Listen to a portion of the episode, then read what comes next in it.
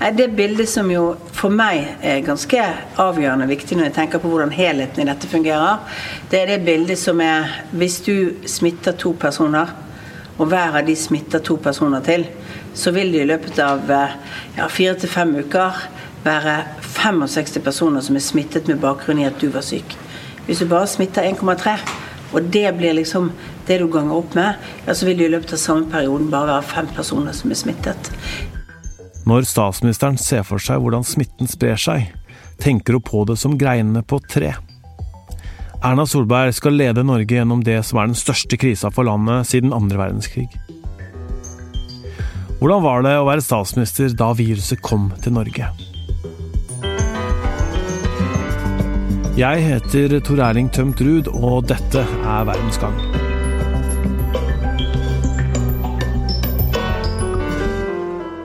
Bare to dager før det historiske vedtaket om å stenge ned Norge torsdag 12. mars, gikk alvoret virkelig opp for Høyre-statsminister Erna Solberg.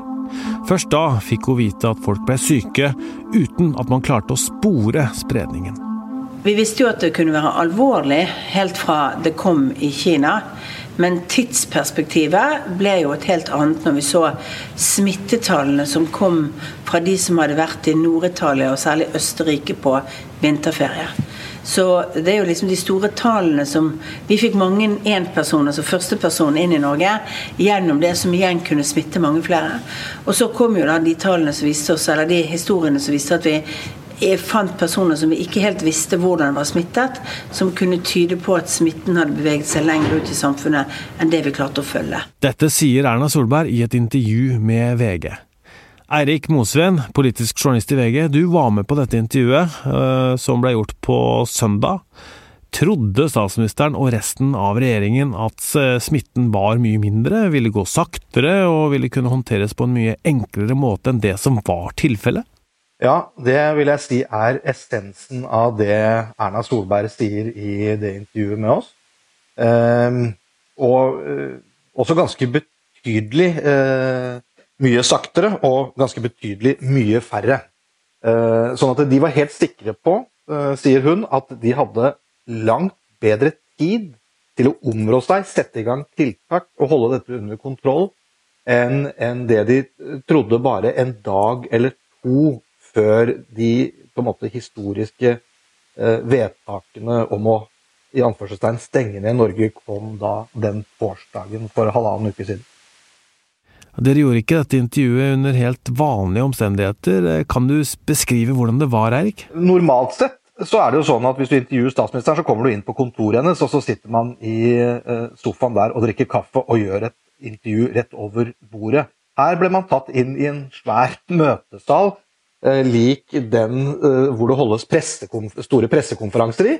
Og så satt vi der, eh, så var det akkurat som hun holdt en egen pressekonferanse bare for oss to som gjorde intervjuet, for vi satt liksom med stor avstand mellom hverandre, og hun satt på et podium, så det var ikke akkurat en veldig eh, hva skal vi si, trivelig atmosfære sånn rent fysisk, da.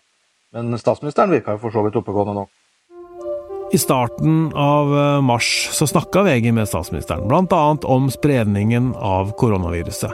Da var det mange av oss som ikke skjønte hvor ille dette ville bli. Hva svarte Erna på dette, forsto hun ikke alvoret? Nei, hun, hun, hun, ikke, hun bruker vel neppe Eller hun bruker jo ikke de begrepene at 'jeg forsto ikke alvoret', men på en annen måte så er nok det realinnholdet i det hun sier. Eh, eller vel, eh, det hun sier er at jo, vi forsto alvoret, men vi hadde ingen eh, idé om hvor dårlig tid vi hadde i forhold til dette. og det, altså, hun er veldig opptatt av dette med smittespredning og de anslagene man hadde for det. Og Folkehelseinstituttet hadde jo et vesentlig lavere anslag allerede, eller så sent som da en uke før, altså den 5.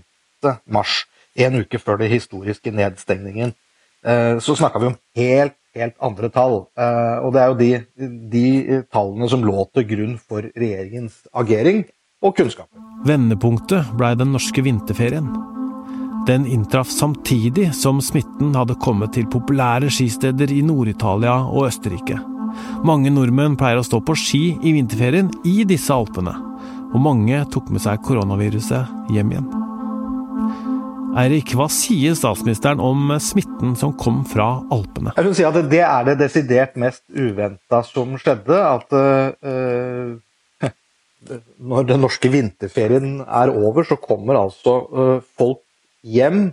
Og de kommer hjem fra av alle steder Hvem, eller hun sier noe sånt som Hvem hadde trodd at, uh, at Alpene høyt oppe i fjellet der skulle være en hotpot for et virus som opprinnelig kom fra Kina? Eh, og det kan man jo kanskje forstå, det var ingen som trodde det. Men det at så mange ble smitta eh, i både Nord-Italia og i Østerrike, eh, det var den store X-faktoren som ingen hadde forutsett, ifølge henne. Hva fortalte Erna Solberg om da hun tok beslutningen om å innføre de strengeste krisetiltakene i Norge etter krigen, som da kom 12. Nei, hun uh, fortalte at uh, den uh, skjebnesvangre uka, da, for, som nå er to uker siden, så var det først et, en regjeringskonferanse på mandag som varte i åtte timer og som handla om korona. Men det sier litt om hele bildet at ingen av de tiltakene som skulle settes ut i livet bare noen få dager etterpå, var tema der. Det som endra mye av bildet, var et møte i beredskapsgruppa den tirsdagen. Der kom det fram at det var en masse tilfeller av smitte som man ikke kunne spore til Østerrike eller Nord-Italia. Da forsto man at man var i en helt annen situasjon. I løpet av onsdagen så stengte, bestemte Danmark at de skulle stenge skoler og barnehager. Og den europeiske eh, smittevernorganisasjonen anbefalte også eh, å vurdere å gjøre det samme i Norge. Og på torsdag morgen eh, så sier Helsedirektoratet at nå er det å stenge skoler og barnehager vår anbefaling, og klokka to samme dag, torsdag, så gjorde man det. Så dette gikk på rekordtid, eh, og det er blitt kalt de mest inngripende måte, ordninger som er vedtatt i Norge etter annen verdenskrig. Og at det skjedde i løpet av så kort tid, kan jo uh, få det til å gå uh, få frysninger på ryggen av mindre. Solberg sier at det store poenget med stenging av skoler, barnehager, hjemmekontor og at vi holder oss uh, hver for oss, er at vi skal smitte færre. Liksom et av hovedformålene med alt det vi gjør for å begrense den fysiske tettheten blant folk, at færre skal bli smittet, at du, hvis du er syk, smitter færre. Og det er derfor vi må ha denne ja, sosiale nærheten, men fysiske avstanden, som jeg tror er viktig å ha. Det har oppstått situasjoner der flere personer har vært samla. Vi har sett bilder av flere sammen på fotballbanen, og vi har hørt om fester. Statsministeren har en mening om de som ignorerer reglene. Jeg tenker at de må ta dette seriøst, fordi at Veldig mange tror at man er udødelig, eller dette Jeg har ikke noe stor betydning. Men folk som har nesten ingen symptomer, kan eh, smitte noen andre. Og i den kretsen kan det være folk som har vært kreftoperert, som har diabetes, som har eh, andre sykdommer. Det er også unge mennesker som faktisk har alvorlige sykdommer som er underliggende, og som betyr at de ikke tåler en så kraftig sykdom som covid-19 er for noen. Og det eh, er ditt ansvar.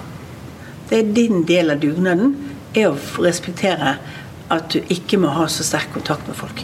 I helga kom det tiltak også på kommunenivå. I Oslo var gatene tomme fra lørdag kveld. For da stengte nemlig alle steder hvor du kunne fått deg en øl eller en drink. Det ble innført skjenkeforbud. Oslo kommune gjorde jo dette ut ifra at det var en del steder som ikke klarte å håndtere én meters minimumsavstand i krets rundt folk. Da er det opp til Oslo kommune å gjøre vurderingen av om det er riktig. Om det er riktig å gjøre det for alle, eller om det burde vært gjort for hver enkelt eh, restaurant som jeg faktisk viste at det ikke det, det, kan man alltid ha en diskusjon om. Jeg har respekt for at det er Oslo kommune sitt ansvar å gjøre det. Eh, jeg eh, tenker at det er, det er hver enkelt restaurant som har ansvar for å sikre at hvis de har åpent, så må de følge smittevernrådene. Og Jeg så jo i Bergen nå at én restaurant bestemte i dag seg for å stenge fordi de ikke fikk kundene sine til å oppføre seg sånn som de skulle. Og da er det jo kanskje sånn at folk ja, Alkohol gjør jo kanskje at man ikke oppfører seg helt sånn som man burde gjøre. Så da kan det jo være gode argumenter for å være begrenset på dette. Men det er hver restaurant som må vurdere det. Det betyr jo ikke at en restaurant som, som eh, eh, klarer å overholde dette, nødvendigvis må, må stenge ned. Han som betegnes som Erna Solbergs høyre hånd, testa positivt for koronavirus. Rune Alsasæter blei derfor satt i karantene. Han er symptomsfri nå, men det gjorde at viruset kom svært nærme statsministeren. Ja, jo, vi følger jo de reglene som er for helsepersonell, som er for personell i kritisk situasjon. altså som, som kan, og vi, vi, er, vi er særlig anser nok statsministeren for å være i en særlig situasjon for å kunne gå inn i det regelverket for uh, å bli testet. Men da skal du altså ikke testes før du har symptomer. Og du skal ikke i karantene hvis ikke du har vært i nærheten over en viss tid altså i fysisk eh, eh de siste 24 timene før folk blir syke. Og vi har jo praktisert eh, veldig lang armlengdes avstand på alt, sånn som du og jeg nå sitter med mer enn to meter mellom oss. Nettopp for å forhindre at folk blir smittet, men også har den kontakten. Og, og, for å forhindre at vi har vært så tett på at du må i karantene hvis noe skjer. Derfor så er ikke jeg testet fordi jeg ikke har noen symptomer på å være syk. Uh, og så er det jo slik at uh, Rune Alsasæter, som jo først besøkte, han hadde jo vært hjemme uh, i flere dager før han faktisk ble syk. Han hadde ikke vært på jobb her fordi at hans ja, fordi at det i familien og rundt var, var grunn for mistanke. Det var ikke der den kom fra, men han hadde allerede vært vekke fra jobben noen dager. Erna sier altså at hun ikke blir testa før hun eventuelt får symptomer. Nei, eh, jeg vil oppføre meg sånn som eh, annet kritisk personell i dette landet er, sånn som helsepersonell. For det er bare falskt å teste deg også. Hvis du ikke har noen symptomer, så er det ofte ikke så lett å finne ut om eh, Da kan du få falske negative tester også. sant? Det, så jeg følger de anbefalingene som gis av, av eh, helsemyndighetene. Jeg tror det er det lureste for en statsminister. Akkurat nå sitter de som styrer dette landet og vurderer hvor lenge ting skal være stengt, og veier det opp mot norsk økonomi og andre konsekvenser. Selv om vi nærmer oss to uker med denne unntakstilstanden, har ikke myndighetene sett effekten rent helsemessig av tiltakene ennå. Foreløpig har vi jo ikke fått eh, målbare resultater på, på, sykdomssiden av de tiltakene som nå er innført. Rett og slett fordi det tar litt lengre tid fra smitte til testing og videreutvikling. Ehm, det får vi kanskje begynnende tall på i løpet av denne uken. Men det vi har tall på, er jo at sosiale aktiviteten i Norge har gått ned. Ehm, vi er mindre fysisk sammen. Det er mye færre folk på T-banen, det er mye færre folk som er ute og reiser. Ehm, og det viser jo at Eh, vi i alle fall har fått til den sosiale endringen som disse tiltakene skulle gjøre. Og så er det jo kjempeviktig å passe på at den sosiale endringen ikke betyr at vi får andre problemer. F.eks. at folk blir ensomme, veldig redde, sitter alene. Det er også en side ved den type tiltak vi har nå, at det også kan være psykisk utfordrende for noen. Eirik, hva sier statsministeren om hvor lenge vi må belage oss på å sitte hjemme uten å være sammen med hverandre? Ja, det er jo der hun uh, egentlig har minst å si. Uh, skuffende nok for de av oss som godt kunne tenke oss å få hverdagen, den normale hverdagen tilbake. Hun sier jo at det mest sannsynlige er at uh, det vil bli en forlengelse nå når fristen førstkommende torsdag går ut for denne 14-dagersperioden som det i første omgang var snakk om. Det har også helseministeren tidligere signalisert, så det eh, er jo konkret for så vidt. Men det er ikke konkret på hvor lenge det skal vare. Og eh, spørsmål, vi stilte veldig eh, direkte spørsmål om La oss si at det går over påske. Kan de den første dagen etter at påskeferien er over, f.eks. være en dato å feste blikket på for folk i Norge? Og der hadde hun heller ikke et tydelig svar. Hun sa at dette er en fortløpende vurdering, og det kan komme endringer som går i, både i retning av at det blir strengere tiltak enn det vi har nå, og det kan komme eh, tiltak som er eh, hvor man jenker på tiltakene, at det blir i mer liberal retning. Og, eller det kan skje på eh, begge deler av de to tingene jeg nevnte nå, kan skje på forskjellige sektorer med forskjellige utfall. Eh, sånn at eh, det kan, det kan, tenkes at man strammer inn på ett område og slipper løs på et annet. Så dette er fleksibelt, men altså ingen klare svar. Veldig lite å, å, å feste seg ved når det gjelder dette. Hva som skal skje framover.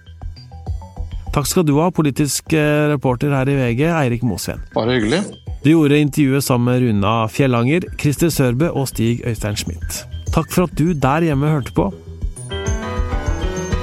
Podkasten Verdens Gang lages av Emilie Hall Torp, Kristine Hellesland og Nora Torp Bjørnstad. Magne Antonsen er teknisk produsent.